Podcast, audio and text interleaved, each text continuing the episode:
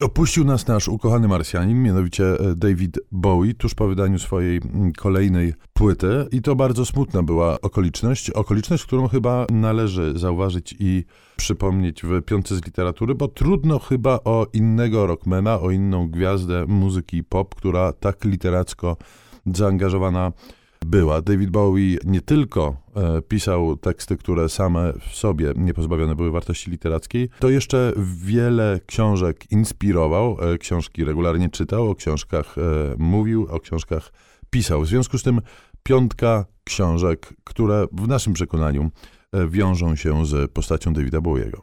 Ja zacznę od wspomnień osobistych, bo moim pierwszym skojarzeniem dziecięcym jeszcze z Davidem Bowiem był film pod tytułem Labirynt w reżyserii Jima Hensona. Pamiętamy wszyscy, że David Bowie grał tam postać no, dość mrocznego króla gnomów, sprawcę porwania małego chłopca, który, który to porwanie całą historię napędza.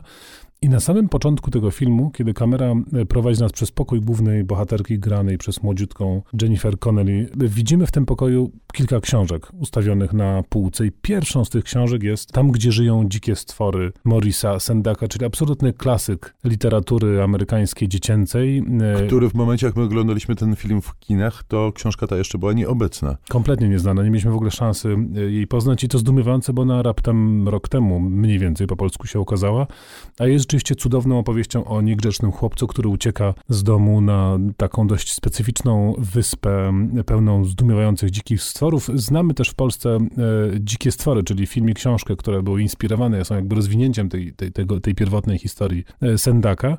Niemniej w, istnieje w tej książce jakaś taka pierwotna rzeczywiście dzikość i znakomicie pokazana psychologia dziecka, pokazana przy pomocy dosłownie kilku czy kilkunastu zdań i kilku planszy rysunkowych, ale doskonale zrobionych i gęstych i właśnie otoczonych taką atmosferą magiczności, niesamowitości i psychologiczności właśnie, która z filmem Hensona i z kreacją Bowiego kojarzyć mogą się jak najbardziej. Kolejna pozycja książkowa też wiąże się z filmem. To bo, bo w ogóle Bowie, powiedzmy sobie szczerze, z filmem kojarzyć się może dość intensywnie. Tak. To z kolei rzecz o niegrzecznej dziewczynce. Ja e, pamiętam, miałem okazję spotkać się z tą książką jeszcze w szkole podstawowej. Jeszcze wtedy Davida Bowiego namiętnie nie słuchałem.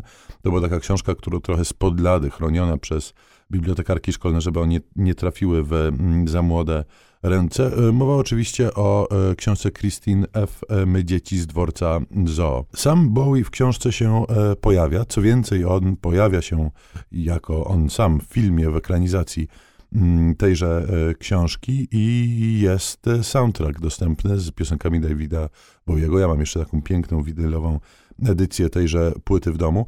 Pamiętam, że lektura to była wstrząsająca. Film również, aczkolwiek widziałem go już trochę później, więc to wrażenie było mniejsze. No i sam e, Berlin, e, przypomnijmy, dla Bowiego był miastem kluczowym, miastem niezwykle istotnym, no bo tam powstały bardzo ważne przecież w jego dyskografii płyty stworzone wspólnie z Brianem Ino, ale tam też powstały hmm, chyba najwybitniejsze płyty solowe Iggy'ego Popa, e, do których powstania David Bowie się przyłożył. No, a my do lektur Davidem Bowiem inspirowanych bądź przez Davida Bowiego czytanych wrócimy za chwileczkę.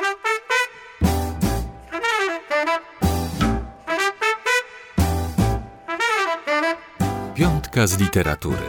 Polecają Szymon Gloszka i Tomasz Pindel z Instytutu Książki. Wracamy do Davida Bowiego i jego listy lektur, tudzież listy lektur, w których on rolę jakąś istotną odgrywa.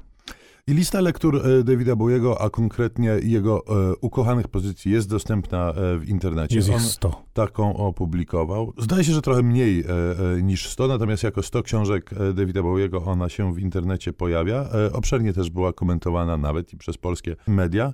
I jedyny autor, którego nazwisko pada dwukrotnie na tej liście, to nie kto inny, tylko George Orwell. No i oczywiście dzieje się tak ze sprawą roku 84. Bardzo to ważna książka książka dla Bowiego, którą to książkę on chciał mm, muzycznie zaadaptować, opowiedzieć e, o tej książce na swojej płycie. Płyta miała się nazywać 1984.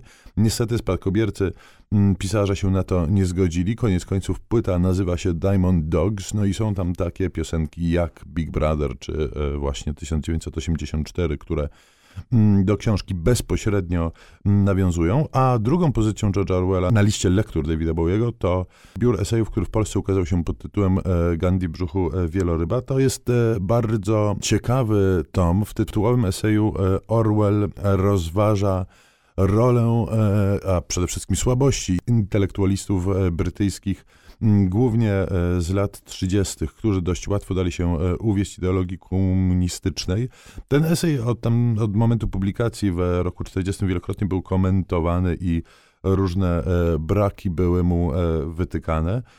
Natomiast rzeczywiście to dość, myślę, w dalszym ciągu inspirujący kawałek pracy eseistycznej i bardzo Mm, jest chyba e, oczywiste i zrozumiałe, dlaczego Bowie akurat tą książkę wybrał, sam wielokrotnie walcząc o taką e, niezależność ducha e, twórczego, nie tylko swoją, ale też wielu innych.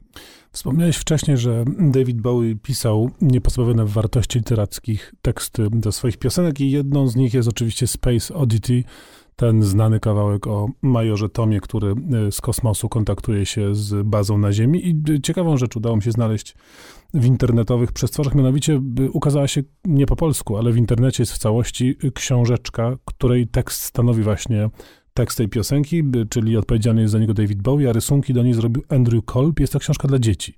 E, ilustracje Kolba są takie ciepłe, ale zarazem historia pokazana w całości, łącznie ze swoim bardzo niewesołym końcem. Widzimy na ostatnim, czy jednym z ostatnich rysunków żonę, która słucha tego, co major Tom z kosmosu do niej nadaje. On sam zostaje w tej przestrzeni pusty i by pozbawiony kontaktu z bliskimi. To rzeczywiście o tyle ujmujące, że wydaje się, że znamy ten tekst na wylot i piosenkę oczywiście świetnie też ciągle pobrzmiewa nam w głowach, a tutaj te ilustracje, jakby forma potraktowania tego jako po prostu tekstu książki dla dzieci, zupełnie inne e, smaki z niej wyciąga i okazuje się być to rzeczywiście tekstem świetnie działającym bez muzyki. No i na koniec Andrzej e, Sosnowski. Andrzej Sosnowski nazywany Davidem Bowiem polskiej poezji z wielu powodów, to ale chyba podobnie z wyglądu, nie? Też. Ale chyba przede wszystkim dlatego, że on wielkim fanem e, Davida Bowiego jest i fascynuje się jego twórczością od lat i w sposób taki dość interesujący. Parokrotnie byłem przez niego zawstydzony mm, właśnie pieczołowitością, z którą on zwraca uwagę na późniejszą twórczość Davida Bowiego,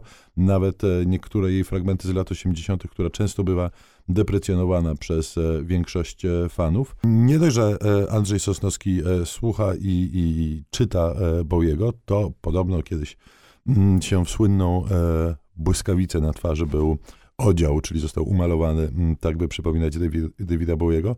Mm, no i proponuję, słuchając muzyki Bowiego, e, poczytać właśnie Andrzeja Sosnowskiego e, poezję. Takim tomem, po który ja najczęściej sięgam, jest e, wybór jego poezji, tudzież zbiór jego poezji napisany w latach 87-2003, to się nazywa Dożynki. I tu tropów może nie bezpośrednio związanych z Bowiem, Mm, ale tropów muzycznych e, najróżniejszych jest e, bez liku. Rzeczywiście przyjemna to lektura, która muzycznemu towarzyszyć e, może, aczkolwiek jestem przekonany, że sam Andrzej Sosnowski uznałby czytanie wierszy w trakcie słuchania Davida Bowiego za jakieś okropne świętokradztwo. Czym się przejmować? Nie musimy, czytamy i słuchamy. Pozdrawiamy. Szymon Zygi Kloska i Tomasz Scary Monster Pindel.